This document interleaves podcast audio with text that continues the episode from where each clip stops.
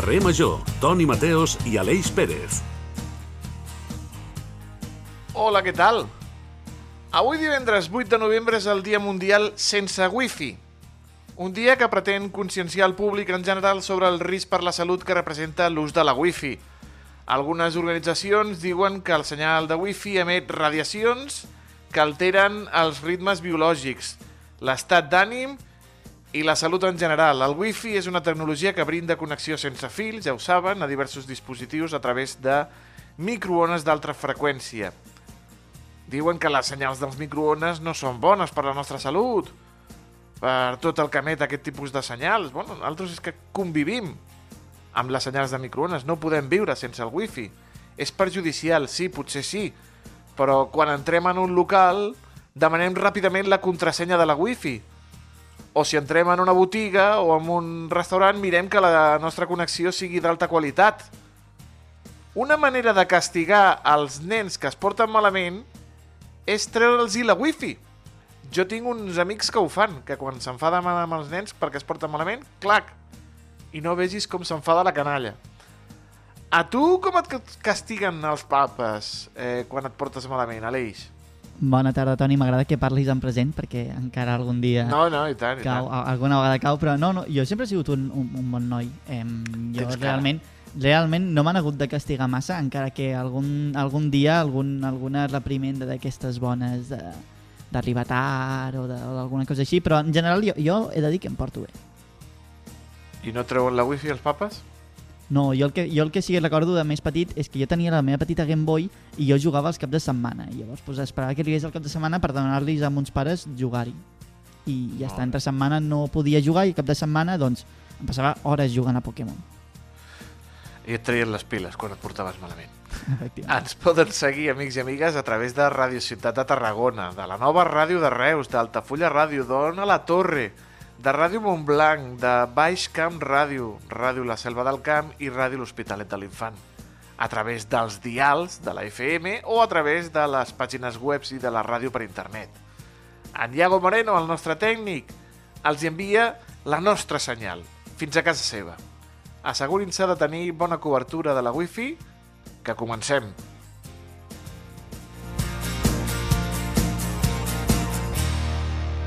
Tot el que passa al Camp de Tarragona t'ho expliquem a Carrer Major. I abans d'entrar en matèria, amics i amigues, tenim disponible un nou capítol del podcast de veïns del company de Ràdio Ciutat de Tarragona, l'Adrià Requesens. El protagonista d'aquesta setmana, eh, Aleix, és un Sí? pastisser. A mi, mira, un pastisser. Sí, em sí, fa venir sí. gana en aquesta hora després de dinar ja. per endolcir-nos una mica la tarda. Un pastisser tarragoní, enamorat de la seva ciutat i també encantat d'endolcir la vida de la gent. L'Adrià sempre ens guarda un tros de pastís i escoltarem avui un tastet en la nostra promo del podcast de veïns. Aquest és un nou capítol del podcast veïnal del Camp de Tarragona. Històries i protagonistes del nostre territori. Aquesta setmana, el podcast de veïns ens porta a conèixer a un tarragoní que treballa amb les mans, amb un ofici certificat artesà, de tota la vida i molt dolç. Soc en Josep González Catalán, soc pastisser, vaig néixer el 21 de juliol del 62 i sóc un enamorat de la meva ciutat, de Tarragona. Per conèixer en Josep hem de matinar molt. El seu escenari de treball està ple d'estris, motllos i farina, molta farina. Un protagonista que confessa que des de ben petit aspirava ja a ajudar els altres. De, de petitet, com, com el meu pare ja tenia muntada la pastisseria quan jo tenia 4 anyets, doncs sempre, evidentment, sempre m'havia agradat eh, fer alguna de pastisser. Però hi havia una altra cosa que, que me llamava més l'atenció, que és poder ajudar els altres. M'hagués agradat molt si no hagués sigut pastisser, podria ser metge, policia, o ser bomber, o ser alguna cosa amb la que pogués ajudar la gent, no? Per mi és molt gratificant poder ajudar les persones. Ara, a la meva manera, ho intento amb la pastisseria endolcir la vida dels altres. Històries, vides, trajectòries, anècdotes. Els nostres barris, carrers, places, municipis, pobles i ciutats compten amb un grapat de veïns i veïnes rellevants per una cosa o altra. El podcast veïnal de Carrer Major, el programa de les 8 ràdios de la xarxa al Camp de Tarragona, ens fa descobrir aquests perfils del territori cada setmana amb Adrià Requesens. No et perdis cada capítol a rctgn.cat. Podcast de veïns. Gent amb marca local. Les realitats del Camp de Tarragona a Carrer Major.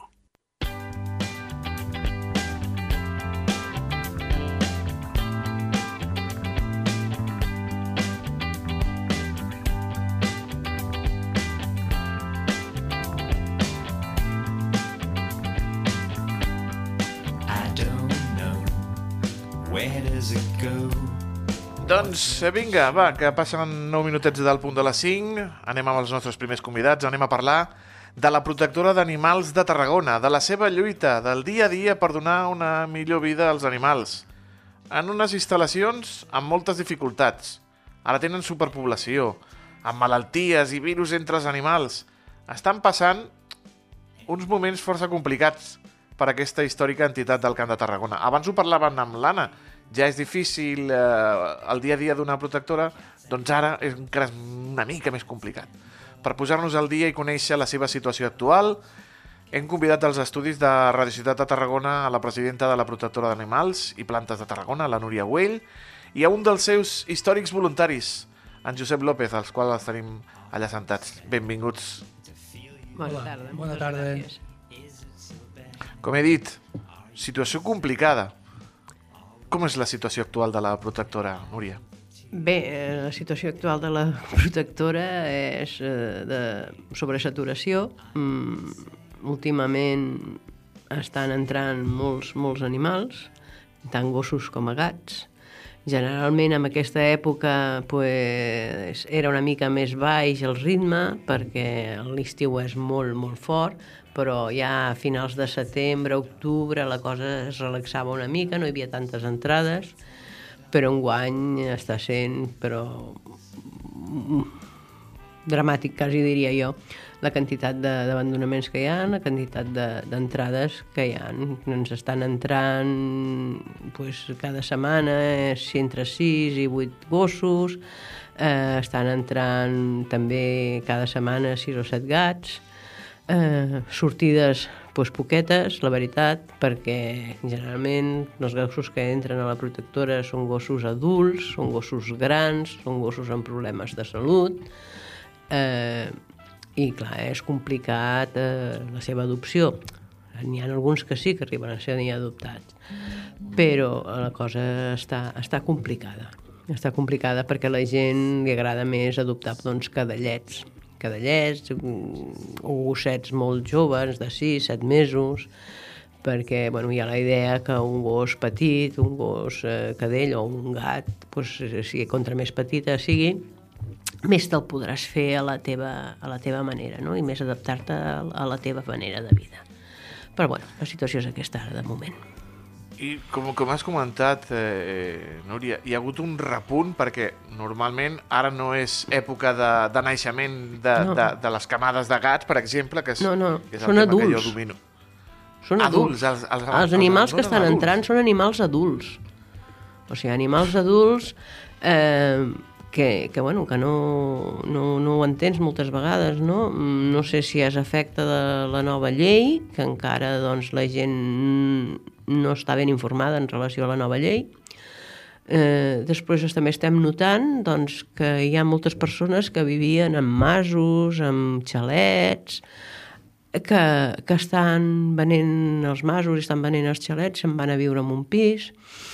I, clar, mm, tenen gossos per al mas o pel xalet tenien gossos potents, tipus rottweilers, pastors alemans, mastins, tot aquesta... Són gossos acostumats a una superfície gran, i aleshores, clar, ara tancar-los en un pis doncs, necessiten un procés d'adaptació, de passar, doncs, amb, encara que, per exemple, un terreny petit de 400 metres quadrats, no? Però, clar, de passar un terreny petit de 400 metres quadrats a passar amb un pis, per exemple, de 100 metres quadrats, doncs, el gos s'ha de, de, de readaptar la situació. I la gent doncs, no, té, no té la paciència com per per fer això, no? O mm. tampoc poden mm, eh, contractar un etòleg o un sinistrador que els ajudi a donar unes pautes, perquè clar, això els costa uns diners i no estan disposats tampoc a pagar aquests diners. I, i després, bueno, pel que fa a la nova llei, doncs eh, s'ha de pensar que aquesta llei sí que està aprovada, però diguem-ne que no entra en, en vigor certes parts d'ella fins que no estigui desenvolupat el, el, el seu reglament, no? Aleshores, mm, que la gent estigui tranquil·la, que no, no passa res.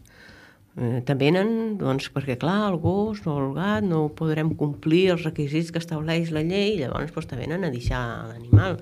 Escolti'm, esperis eh, que estigui desenvolupat el reglament i a veure com se, se solucionen totes les dubtes i totes les parts d'aquesta llei que estan en l'aire, no? Tema de certificat de PP, perquè clar, amb aquesta nova llei desapareix el PP i ha de ser un especialista el que designi si aquell animal és PP o no. Un, un American Stanford no pot ser PP ara i un Chihuahua sí pot ser PP. O sigui, però clar, tot això està per definir, perquè encara tampoc està definit si això ho ha de fer un veterinari, un etòleg, un ensinistrador... Mm, llavors, doncs, totes aquestes Sí. coses s'han de d'aclarir. ja, ja en parlarem, ja en parlarem de seguida de- d'aquesta nova llei que, com has dit tu, eh, genera molts dubtes tant a, a propietaris com, com a veterinaris i com a gent que es dedica doncs, a, a rescatar animals com, com vosaltres. Eh, Josep, Digue'm. hem dit que estan entrant molts animals. Mhm. en, quines, en quina situació entren? O sigui, entren, com hem dit, són ja adults, eh, però entren sants, alguns entren malalts. Eh, tu com a membre històric de, de, la, de la protectora. Ens trobem de tot. Evidentment són eh, gossos grans, o sigui, a vegades pues, bueno, ja tenen malalties, no? I, i bueno, la gent, pues, no ho sé, eh, sembla mentira no? que en el, en el moment en el, en el qual necessiten més suport a aquests animals grans, vellets i tal, doncs és quan els abandonen. O sigui, les responsabilitats, jo no sé si és per cansament de la gent o, o què, o per la despesa que li pot suposar, pues llavors pues, eh, lo més fàcil és pues, o abandonar-los, portar-los a la gossera municipal o, o bé a la protectora directament, no? que no és la via d'entrada eh, reglamentària. No? Llavors, bueno, pues, és, la situació és aquesta. Eh, N'hi ha de, de tot eh, tipus d'entrades, des d'atropellaments, eh, que requereixen després un, un ingrés, en gossos pues, que han entrat amb alguna malaltia eh, com la parvo, i bueno, pues, tot això pues, lo, lo tenim que anar assumint com podem. Clar, perquè quan pot costar, en aquest cas, doncs, el, el manteniment d'un animal en, en un, en un d'aquests refugis? Aviam, si... Mm, un animal sa, eh? Si posem un animal sa, doncs has de pensar el que és el pinso, la menjar diari i eh, les de revisions veterinàries, eh, però bueno, més o menys al dia un gos així te pot costar uns, uns 20 euros al dia, val? Uns, uns 20 euros al dia tenint tot, perquè clar, s'ha de tenir en compte que aquell gos està en unes instal·lacions, que aquestes instal·lacions tenen unes despeses, que tens que fer aquell manteniment de les instal·lacions, que has de tenir Eh, a més a més dels voluntaris doncs, necessitem almenys un parell de treballadors que ens ajudin perquè, clar, els voluntaris també treballem i clar, no podem estar a les 24 hores allà a la protectora.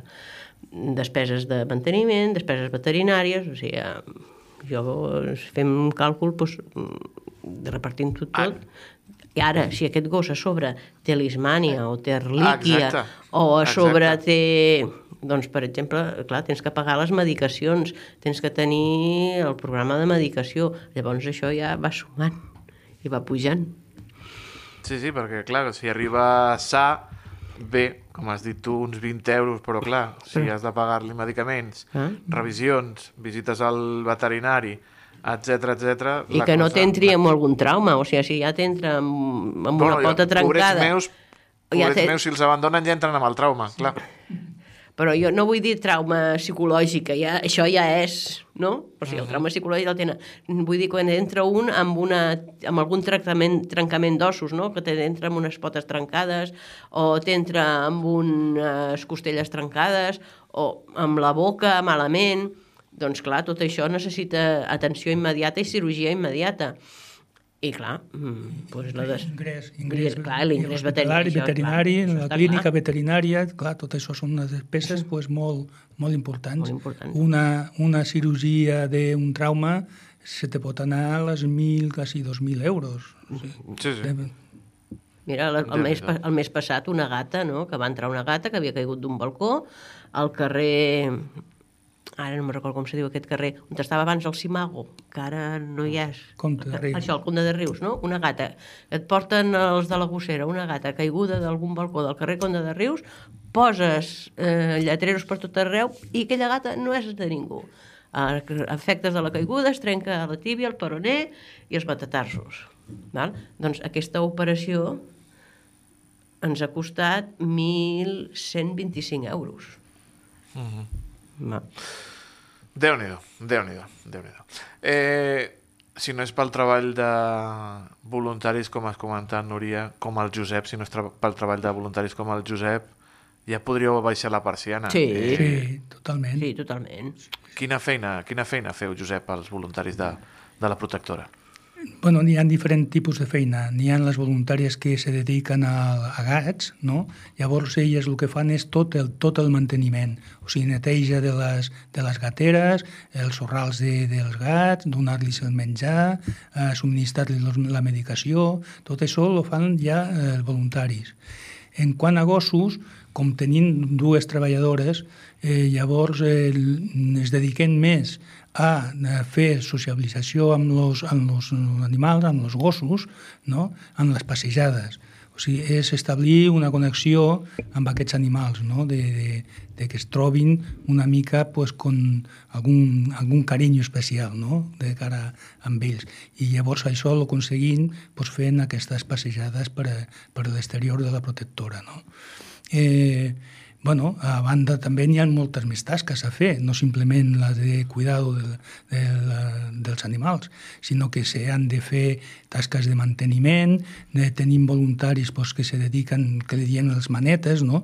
i van fent pues, de petites reparacions que, que són necessàries, eh, s'ha de fer la neteja, manteniment de, de les instal·lacions i, i, i bueno, pues això a banda, a banda de fer pues, actes també eh, de visualització de, de la protectora, no? de fer-nos visibles, com som fent jornades de portes obertes, eh, anem també a les fires que es puguin fer, com ara per Nadal es farà la Rambla, eh, les paradetes, no? pues també anem allà. Eh, bueno, una sèrie de- d'activitats que per, per fer difusió de- de- d'aquests eh, animals que estan allà, que, són, que sembla que són invisibles, no? I pues, fer una mica de, de visibilitat d'ells. I després una part molt important dels voluntaris són els que porten tot el tema de xarxes socials, que, que bueno, són gent més jove, que sap eh, tractar aquests temes i, i ens fan més visibles a xarxes socials. I, I després també hi tenim més temes de jardineria, perquè s'ha de netejar i fer el manteniment de jardineria. Eh, voluntaris doncs, que, que, que pugen i baixen animals, de tema de gats, les cases d'acollida, sobretot és molt important també, tenim cases d'acollides i voluntaris que ens fan acollides de, de gats i gossos que entren i que, clar, per la seva eh, patologia doncs, no poden estar a la protectora o perquè són massa petits i no poden quedar a la protectora, doncs eh, és molt important també les cases d'acollida. Sí, perquè Núria, en aquest cas ja ho has comentat per damunt abans, però com afecta aquesta nova llei de benestar animal ja per anar tancant? Has comentat aquests PP, no? aquests gossos PP que són potencialment perillosos, Perillosos. però ben bé que, com afecta aquesta nova llei del benestar animal per anar tancant. Bueno, aviam, eh, aquesta nova llei, com està tan en l'aire, encara no acabem de, de tenir clar com ens afectarà. No? Una és aquest el, el tema dels PPs, després està el tema de les assegurances, que tampoc està clar. Després doncs, bueno, hi ha una sèrie de punts més, més petits, com poden ser, doncs, escolti, que no podrà deixar el gos tancat, lligat davant de la porta quan vagi al súper, o no pot deixar el gos eh, sol a casa més d'X hores, o no pot deixar el gat a casa més de sol en més d'X dies, com han de sortir a passejar, si han d'anar lligats, si han de portar morrió, Aviam, tota una sèrie de coses que mm, encara no estan definides del tot. Estan a la llei, però no estan definides del tot. Hasta que no estigui desenvolupat el reglament, mm, no sabrem a què tenir-nos. Val? La gent eh, pues, ha de tenir en compte això, no? S'ha de desenvolupar el reglament, però de moment, amb el sistema polític o el procés polític que estem passant, eh, la llei de protecció animal no és una de les prioritats de cap estat. Eh, Ara, ara mateix no. Exacte. Ara mateix, Ara mateix, ara mateix està... mm, per això, o sigui, hasta calaix. que això es faci, estarem amb aquesta situació, jo crec que anys. Anys. Heu comentat abans, ho ha comentat el, el Josep, que una de les activitats que feu per donar-vos visualització és assistir a fires, etc etc. però també aquest cap de setmana teniu un canicross organitzat, Correcte, no? Per, correcte. Per, en què consistirà aquest canicross? Bé, per fi aquest any sí, aquest any podrem fer el canicross. És un canicross que organitza el club de judo dojo Tàrraco. Eh, sempre l'han organitzat ells. Eh, Aquesta és la cinquena edició que es farà i consisteix pues, en fer una cursa de, que n'hi ha dos modalitats, de 2 quilòmetres i 5 quilòmetres, en, en el qual l'amo del gos correrà eh, amb, amb el seu, la seva mascota, eh, pues, eh, fa la cursa aquesta. Això ho farem en el moll llevant d'ahir de del port, de Tarragona, eh, serà aquest diumenge, i, i també se pot fer Eh, aquesta cursa, a veure, tin- tindrà de dos, dos facetes. No? Una que podrà ser en plan concurs, o sigui, serà cursa en la qual hi haurà uns, uns premis, hi ha uns trofeus no? d'un primer, segon i tercer, i després també n'hi ha la, la possibilitat d'aquelles persones grans i tal que, vul- que lo puguin fer caminant. O sigui, perquè n'hi ha gossos doncs, que no estan preparats per fer la, la, la cursa aquesta. Llavors se pot fer caminar, és com una marxa també que, podem, que, que farem.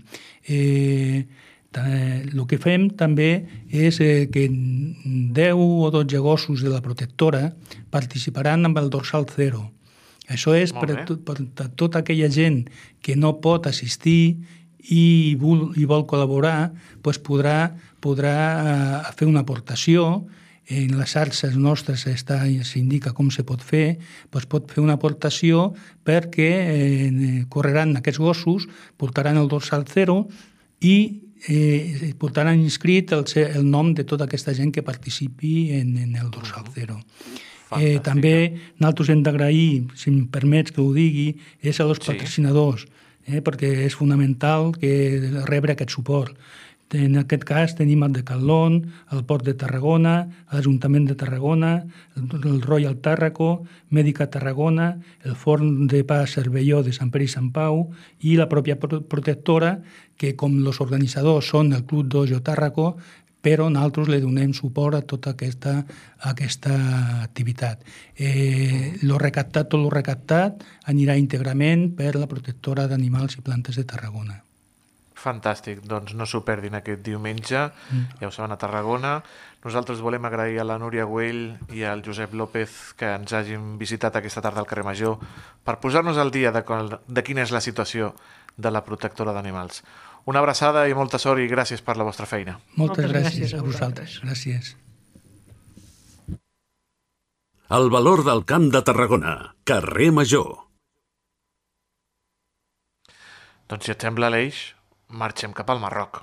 Mira tu que ràpid. Eh? Com cada 15 dies, viatgem fins a aquest país veí de l'Àfrica per parlar amb el nostre col·laborador, en Mohamed Said Badawi, que ens parla de...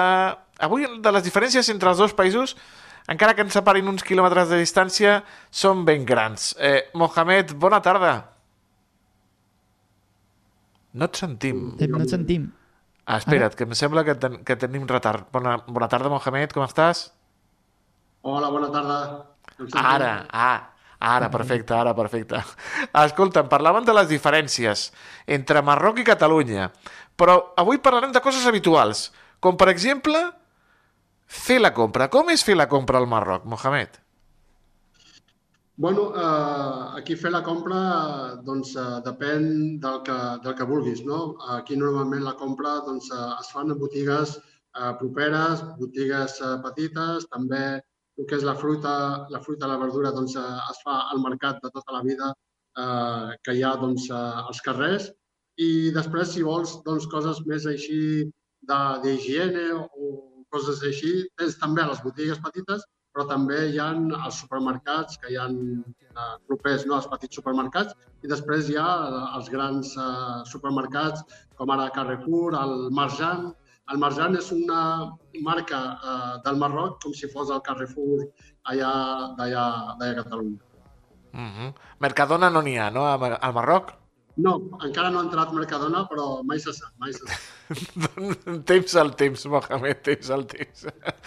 Eh, com has dit tu, eh, es fa molt a, en mercats i en petites botigues, no? Són les compres habituals del dia a dia. Sí, sí, aquí els productes són de, de frescos, o sigui, els productes són de quilòmetre zero, el que diem a Catalunya quilòmetre zero, o sigui, els mateixos pagesos pel matí s'aixequen, preparen eh, les seves mercancies i les porten al mercat i es ven. Eh, fins i tot, el, el, per exemple, el pollastre aquí, eh, tens el pollastre sacrificat, però si vols un pollastre viu que te'l sacrifiquin al moment, t'ho fan al moment. O sigui, aquí tots els productes són frescos del moment, o sigui, no hi ha aquí tipus congelats encara no, no, no la gent no s'utilitza tant els, els, els congelats. Tot el, el peix, la carn, la verdura, eh, la fruita, tot és molt fresc. I en el cas, a mi em ve el cap el, el cas de l'oli aquí a, a Catalunya, que està molt car. Hi ha algun producte que s'hagi encarit molt o que realment doncs, potser estigui per damunt del, del preu que, que hauria de ser? El preu, una de les coses que eh, està molt cara pel, pel salari que, que percep una persona treballadora aquí al Marroc és la carn. La carn pensa que ara mateix està entre 10 i 11 euros, que seria el, el salari d'un treballador eh, un, un dia normal. O sigui, aquí el salari ronda això, entre els 10 12, 12 euros al, al dia. I el quilo de carn està costant això ara mateix aquí al Marroc, entre 10 i 11 euros al quilo i està molt car. És dels productes més, més cars i dels productes que, que eh, es consumeix però no tant. No? Aquí la gent opta més pel peix i opta més pel pollastre. Mm. Anem a, a treballar, anem a agafar el transport públic, Mohamed. Moltes diferències entre el transport públic de Catalunya i el transport públic del Marroc? Bueno, en grans ciutats, en grans ciutats, per exemple, aquí eh, no tenim metro vale? com per exemple a Barcelona sí que tenim metro, aquí no tenim metro. Hi ha trens, hi ha l'AVE, hi ha autobusos, hi ha taxis, però no tenim el metro encara. Aquí, doncs, al Marroc encara no, no, no hi ha metro. Uh, L'AVE, els últims anys, doncs, han començat a, a posar doncs, a, en marxa a l'AVE, que ja no arriba a totes les ciutats, però sí que a les grans ciutats, per exemple, de Tànger a Rabat, de Tànger a Casablanca, de Tànger a Marrakeix, doncs existeix la possibilitat d'anar amb, uh, amb AVE. Eh, dins de la ciutat, la gent doncs, que no té cotxe propi es mou en autobusos o es mou en petits taxis. Aquí ja es diu petit taxi, que és un taxi petit eh, que doncs, circulen per la ciutat i doncs, eh, et poden fer arribar a qualsevol punt de la ciutat. Eh, són preus econòmics i que la gent no s'ho pot permetre per moure's dins de la ciutat. L'Anna Plaça ha preguntat, tenen Renfe allà o tenen un servei de, de, de transport eh, públic com aquí i funciona tan malament com aquí? Bueno, la veritat és que ja et dic, eh, el que és eh, dins de la ciutat, la gent aquí, doncs, eh, com que no tenim eh, eh, el, el, el metro, doncs la gent es mou en autobusos i en taxis i la mobilitat és molt, molt, molt accelerada i molt ràpida, o sigui, no t'has d'esperar gaire per arribar al punt que vulguis, eh, que, que vulguis arribar. El tema de l'AVE per anar a grans ciutats o el tren per anar a altres ciutats també està i la veritat és que no, no arriben tard, quasi sempre surten a l'hora i arriben a l'hora.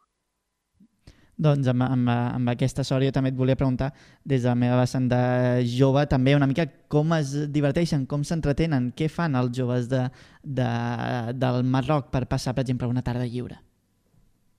Bueno, aquí la veritat és que la, la, la majoria de la gent doncs, eh, que treballa i que per les tardes doncs, eh, vol fer alguna activitat, existeixen les activitats lúdiques com ara doncs, eh, fer esport, no? jugar a futbol, jugar a bàsquet o sortir a córrer. I també doncs, existeix mm, doncs, eh, aquí el tema de l'alcohol eh, no, no està permès, o sigui, la gent per, per disfrutar de la vida no que fins i tot molts, molt, moltes persones, com sabeu, jo em dedico ara al turisme, que ve molta gent d'Espanya i em diu eh, és que al final et dones compte que per disfrutar de la vida no, no fa falta eh, beure alcohol no? per, per disfrutar de la vida. I aquí la gent doncs, eh, viu d'això.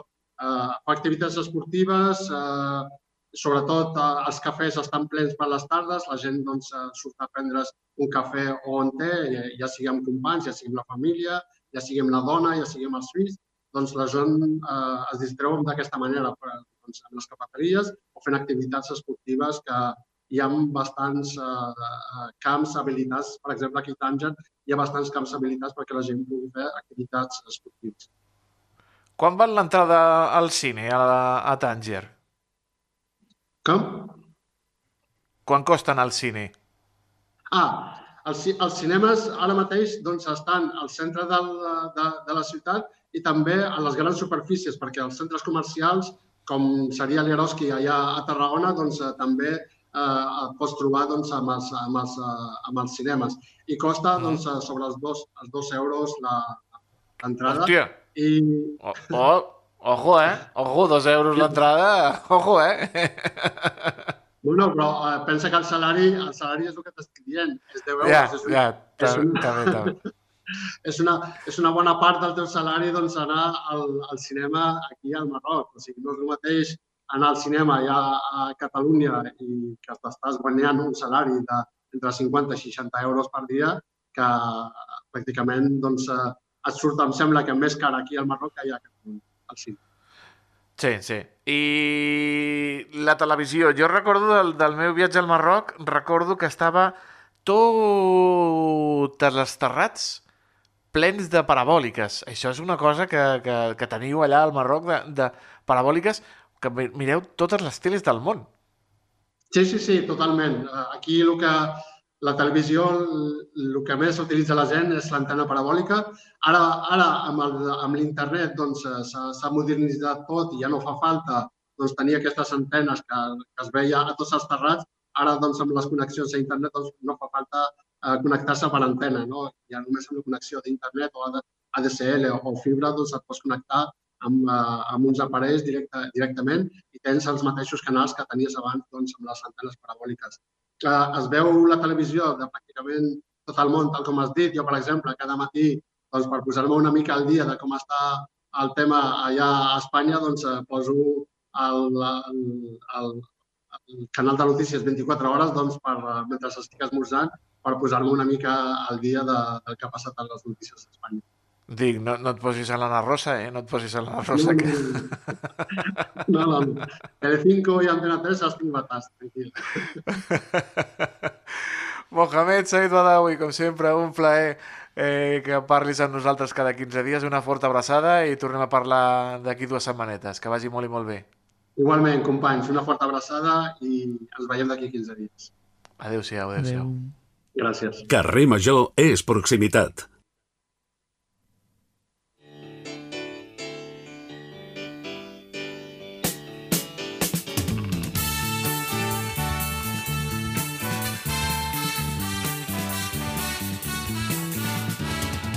Para la libertad. Saps qui és aquest senyor? Sona, a, a, a, no, no, no ho sé, però sona a Julio Iglesias, a Camilo Sesto, a Rafael, alguna cosa així. Què és això? És Nino Bravo? És, és, no Nino sé. Bravo? Què és això? És Serrat, tio, és Serrat. Serrat? És Serrat. Per a la Eh, libertad. nací en el Mediterráneo. Sí, sí, sí. Na, na, na, na. Sí, sí. Molt bé, Aleix, cantes molt bé. Com l'Antonio, que també canta molt bé. Hola, què tal? Bona tarda. Tu T'estava escoltant. Tu aquí. sabies... Serrat. No, jo hagués dit el mateix que l'Aleix. Eh? Semblava Julio Iglesias. Mare de Déu, senyor. Som, som persones nascuts ja al gairebé el nou mil·lenni. mare de Déu, senyor. Anna Plaça, vine a rescatar-me, si us plau. Toni, i per què avui has posat aquesta cançó que parla de la llibertat Oi, i tot això? de la llibertat. Doncs us ho responc jo mateix, he fet una pregunta retòrica, eh? perquè aquestes darreres nits doncs estem veient protestes davant de la seu del PSOE al carrer Ferrat de Madrid, on milers de manifestants s'enfronten a la policia en contra de l'amnistia. Sí, aquestes protestes Aleix han anat creixent en tensió, ja que cada nit s'ajunten amb els manifestants grups nazis i d'extrema dreta. Oh my god. Sorpresa. Què? Sorpresa. Que no els importen ni amnisties ni res d'això. Simplement volen rebentar les protestes, que tot esclati. Sí, protestes contra una amnistia que diuen que no és legal. Alguns també diuen que els indults no són legals i fins i tot confonen els termes. Per això, però, estem aquí els tonis, eh, per diferenciar què és un indult i què és una amnistia i els diversos exemples que hi ha hagut a l'estat espanyol. Hola, amiguito neonazi. T'explicarem què és un indult. A veure, Toni, il·lustra'ns. d'aquests tonis. L'indult és un mecanisme per perdonar una pena a la persona que ha estat condemnada. El perdó total o parcial d'una pena a títol individual, encara que l'indultat mai perd la seva condició de condemnat. Els indultats sempre seran condemnats, per la qual cosa seria reincident en cas de cometre nous delictes. Això no passa, però, amb aquells eh, que són beneficiats per l'amnistia, que és oblidar legalment delictes i extingir la responsabilitat dels seus autors. És a dir, doncs, deixes de, te de tenir Esborrat. conseqüències penals. No en va, la paraula amnistia té una arrel grega, amnèsia, que significa oblit. Per això queden com esborrades. Mhm. Existeixen antecedents a Espanya des de fa segles, tant d'indults com d'amnisties, gairebé tots relacionats amb els poders del rei, amb els poders de la monarquia. Això ho he estudiat, jo. Vaja, Això- això ho he estudiat. quina sorpresa. Què dius, què dius, Aleix? Que això ho he estudiat jo. Em sona. Home. de- Això, això entra al temari de la selectivitat de, de segon de batxillerat. Molt bé. De, de fa uns, uns pocs anys. Pocs anys, sí. Ah, de fa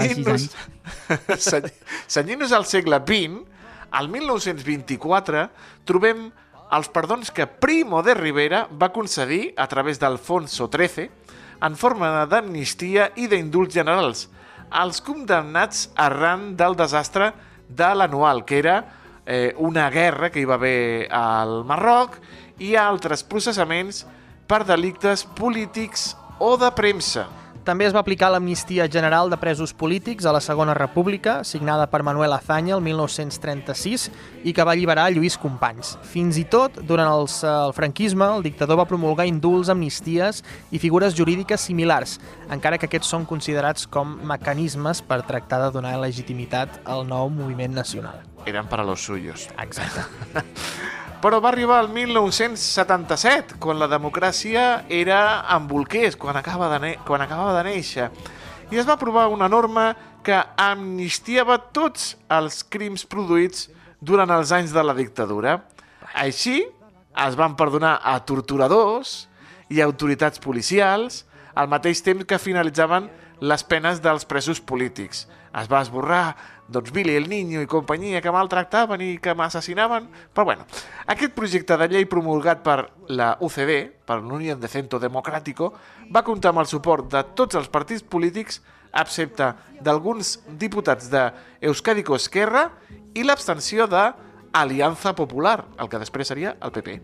Les denominades amnisties fiscals també han estat objecte de polèmica a Espanya. Eh? Per exemple, en aquest cas es tracta d'un perdó als defraudadors, una mesura que implica doncs, un greuge comparatiu a favor dels contribuents incomplidors, als quals se'ls ofereix un tracte avantatjós després d'haver defraudat respecte als que han pagat puntualment els seus impostos. O sigui que se'ls perdona als rics i poderosos, mentrestant els pobres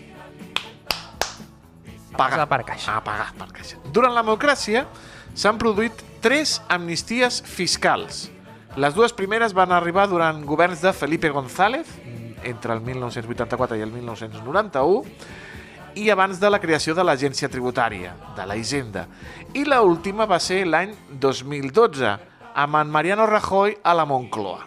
Aquesta última estava dirigida a la reducció del dèficit públic, És a dir, a salvar alguns bancs de la fallida i castigant durament els que paguem religiosament, el contribuint de peu. Des del 2021 es van prohibir per llei les amnisties fiscals. I ara que parlem d'indults, eh, això ha generat més d'una polèmica pel seu ús massiu en els diferents governs. Mira, anem a fer un repàs als diferents governs que hem tingut en democràcia i a parlar de quan se n'han fet. Mira, per presidents, durant el govern de Felipe González, del 82 al 96, es van concedir 5.944 indults. Bien. En el de José María Aznar, més o menys els mateixos, 5.948, un mandat que va ser del 90 fins al 2004. El, en el cas de José Luis Rodríguez Zapatero va indultar 3.381 persones en un mandat que va anar del 2004 i del al 2011, i del 2011 al 2018 vam tenir el senyor Mariano Rajoy, que es va contenir una mica, no, Toni? Em va, Bueno. em va concedir 898. En 7 anys no està malament. No està malament. No està malament. En l'actualitat, no obstant això, l'amnistia no està contemplada en la Constitució. Oh my god! Per la qual cosa, el seu encaix encara, ara mateix, no està clar. Hi ha juristes que s'han declarat a favor i uns altres juristes que estan totalment en contra de la mesura d'amnistia. Els defensors diuen que l'amnistia seria constitucional perquè la Carta Magna no la prohibeix expressament. A l'altre extrem, els contraris de la mesura argumenten que aquest equival a un indult general, cosa que prohibeix la Constitució en el seu article 62. Fins i tot hi ha membres conservadors del poder judicial que s'han mostrat en contra d'una llei que, que no existeix. Ah, exacte. Nos mostramos en contra i, i, i, surten allà uh, rasgant-se les vestidures. No sabem, Aleix, com acabarà la cosa. No sabem com s'ho faran tant Junts com el PSOE per encabir aquesta futura llei d'amnistia. Si serà un decret llei, si serà una llei... Encara no hem vist res escrit. Es queixen molt, sí, sí, però no hem vist res escrit. Si estarà la paraula amnistia a, a, a, a escrita sobre paper. Però les protestes davant de la seu dels socialistes van pujar de to cada dia i avui s'espera una nit també calenta. Sí, amb imatges rares de gent amb banderes de temps passats, Sí, fent salutacions de règims rancis i autoritaris, Sí. acompanyats de la, de la policia, passejant tranquil·lament per la Gran Via de Madrid, Sí, sense senyor. rebre cap garrotada. Curiós, no? Tot, tot molt curiós. Sí, nosaltres des dels Tonis continuarem mirant això i informant de com va la cosa, si va cap a pitjor o cap a millor. Al cap i a la fi és la nostra feina. Sí, senyor, l'ha d'informar i alhora l'ha d'entretenir, Antonio. Sí. Sí. doncs mira, fins aquí els tonis d'avui, Aleix, què t'ha semblat? Documentat, avui surto d'aquests tonis documentat, eh? Amb- Home, avui saps que és una amnistia, eh? Amb, amb, amb, amb, amb, amb tots els seus ets i uts. Doncs Jo proposo posar aquest, aquest, aquests tonis allà a la manifestació que hi ha, amb, un, amb uns megàfons. Uh, no ens escoltarien, perquè estarien cridant allò de Zapa... Ai, Zapatero. Zapatero. Perro Sánchez, Perro Sánchez. Sí, sí. criden. També hi ha poca capacitat eh, de Sí. retenció. Sí, sí. Això és una cosa que s'ha de treballar. Eh? Sí, sí, sí, sí. Tenen, tenen, ho, ho han de treballar. Antonio, gràcies. Ens veiem divendres. Adéu, fins divendres. Una abraçada ben gran, amic. Ni tú, ni yo, ni el. Estàs Aquest- escoltant Carrer Major. Aquell que sonava, saps qui era? No. És que que clar, la i ara ja no eh? m'atreveixo a dir noms perquè aquí ja, ja ha sigut dilapidat públicament. O sigui Saps que- qui és el Labordeta, no? No, aquest sí que no el conec. Mare de Déu, senyor. El Serrat sí, però... Habrá una però, tierra però, en la que... Però la bordeta aquest, no, no tinc el No te'n recordes de la Bordeta que va dir en ple Congrés dels Diputats «Ah, la mierda!» i els va enviar tots a la merda? No, Grandíssim. Però, Un país en la mochila. José Antonio Labordeta. Bé, vinga, va, anem amb, anem amb música. Anem amb música perquè m'estàs posant nerviós. Què ens porta avui el David Fernández en la banda sonora? A veure com sona.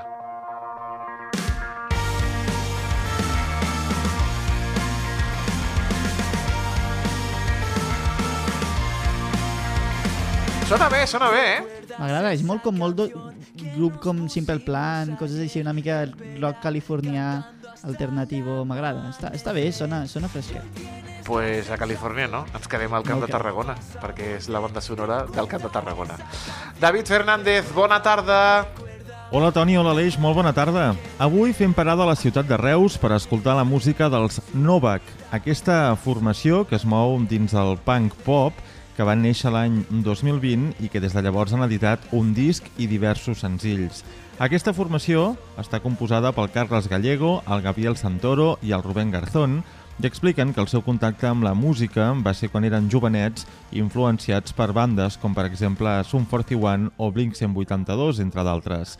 El 2020 es van ajuntar després de formar part d'altres formacions i van donar forma a Novak, amb l'objectiu, diuen, d'introduir aquest estil amb, amb ritmes accelerats i melodies enganxoses. El 2021, a l'octubre, van treure el seu primer disc, anomenat Galàctica, i a partir d'aquí, doncs, el 2022 van editar dos senzills, Soy i la versió Entre la playa, ella i jo, i aquest 2023 van signar amb el segell discogràfic Blanco i Negro el mes de maig i de moment amb aquest segell doncs, ja han editat dos senzills, un que es diu Disfrutar Hoy, que el van editar el mes de juny, i aquest Recuerda, que van publicar a través de les plataformes tot just fa tres dies. Avui, doncs, la música dels Nova, que aquesta formació reusenca és la banda sonora del dia del carrer Major. Doncs mira, els Novak, eh, que ens ha portat el David Fernández, aquesta banda reusenca, com has dit tu, mira, ens recorda Sí. aquest eh, punk rock californià així suavet.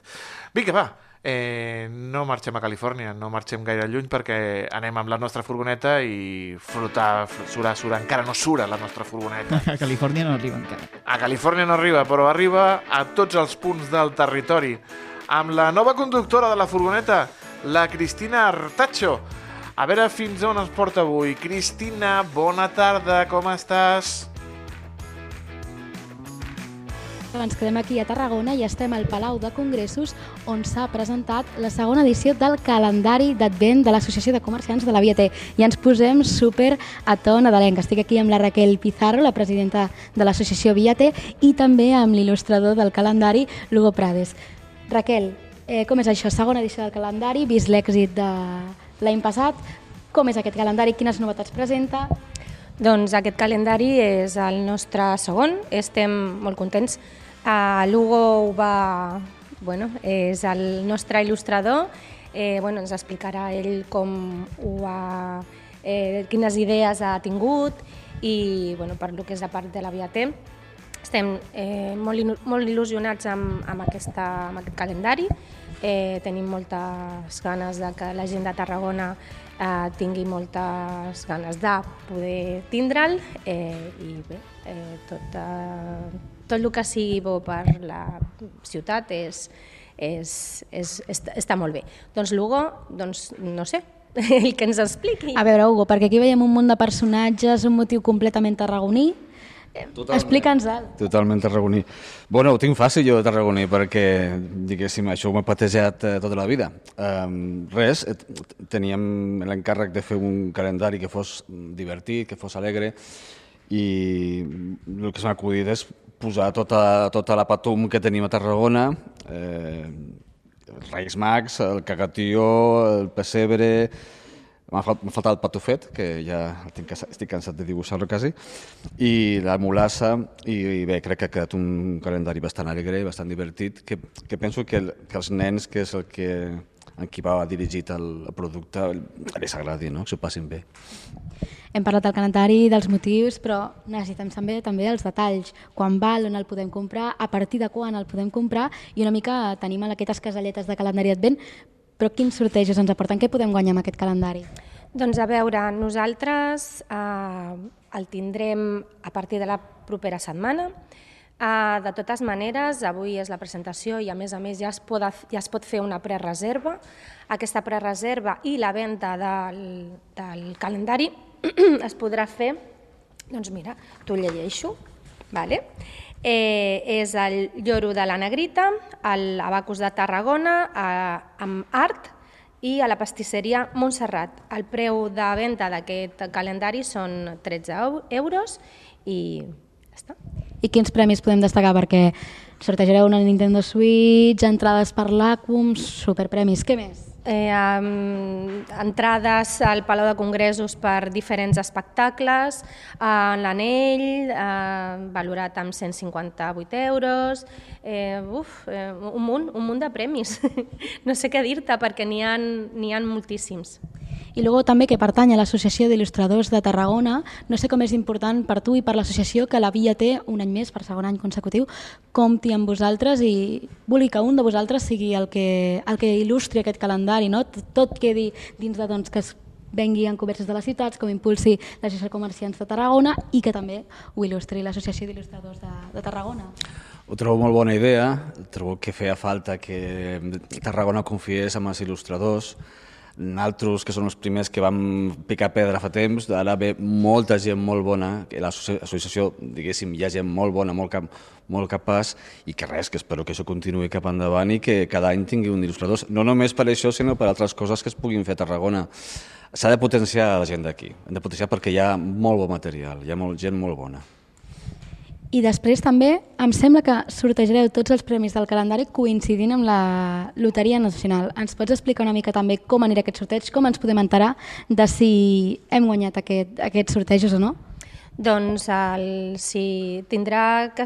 Bueno, és de les ventes que tinguem del calendari, vull dir, si són mil unitats, si els venem tots, tots estaran en el nostre bombo, que anirà des del número 1 fins al número 1000, tots aquests aniran amb aquest bombo que tindrà una numeració que surti. Aquesta numeració, doncs, darrere del calendari, així que no s'ha de llançar el calendari després que mengis totes les xocolatines, d'acord?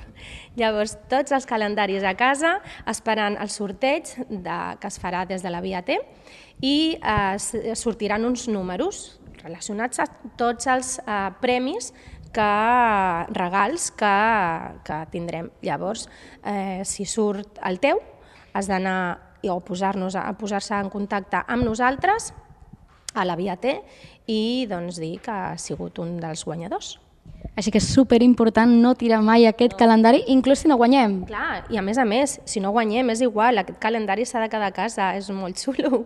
Llavors, doncs, així el tindrem any tras any i bueno, podem fer una col·lecció de calendaris d'advent de la Via T.